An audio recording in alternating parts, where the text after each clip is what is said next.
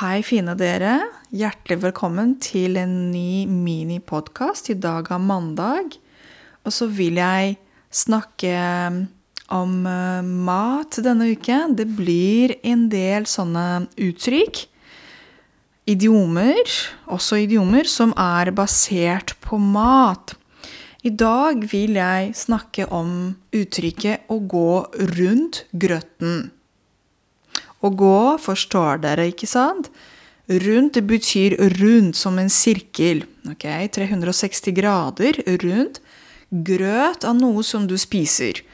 Eh, du kan spise havregrøt eller um, uh, risgrøt.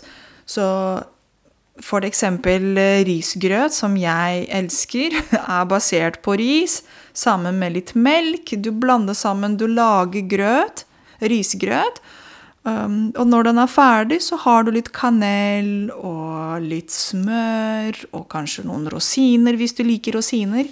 Så det er matrett. Så uh, grøt er en matrett.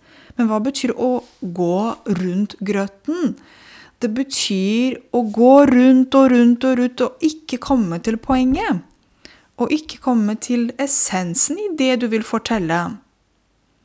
Og det er um, noe som jeg kan gjøre noen ganger, eller andre kan gjøre. For eksempel, istedenfor å fortelle noe eksakt hva som har skjedd, så går du rundt og rundt og rundt og rundt. For eksempel, hvis du skal fortelle om naboen som hadde i en bilulykke, som kolliderte bilen sin, ikke sant? Så kan du si nei, du vet naboen som er så flink og hyggelig, han er høy, han er jeg vet ikke, 40 år, vi snakker ofte sammen, og han var så fint kledd siste gang jeg så han, bla, bla, bla. Så istedenfor å fortelle at det var naboen som kolliderte med bilen sin i dag, så begynner du med noe helt annet. så du kommer ikke til poenget.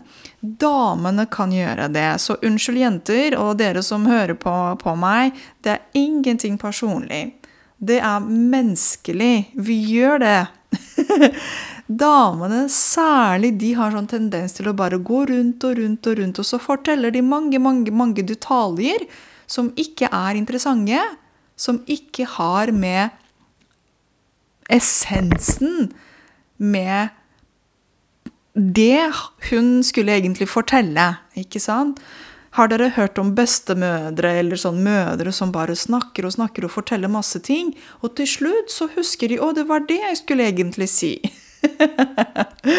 jeg kan komme på et Skal vi se Jeg er ikke så veldig flink på eksempler, men jeg kan prøve, et, kan prøve å komme med et uh, nytt eksempel for dere. For eksempel når du går i butikken og du vil fortelle at 'jeg tok en tur til butikken for å kjøpe smør', og det var ikke noe smør i butikken, så kan du si ja, du husker den dagen så tok jeg på meg klær, og så var det kjempefint ute. Og ja, jeg koste meg masse, og så gikk jeg ja, den veien. Og så kom jeg endelig til butikken, og det var så, flink, det var så fint og hyggelig folk som smilte osv. Vi er ikke interessert i detaljene. Vi er interessert bare i at du skulle kjøpe deg smør, men så var det tomt for smør. Ok?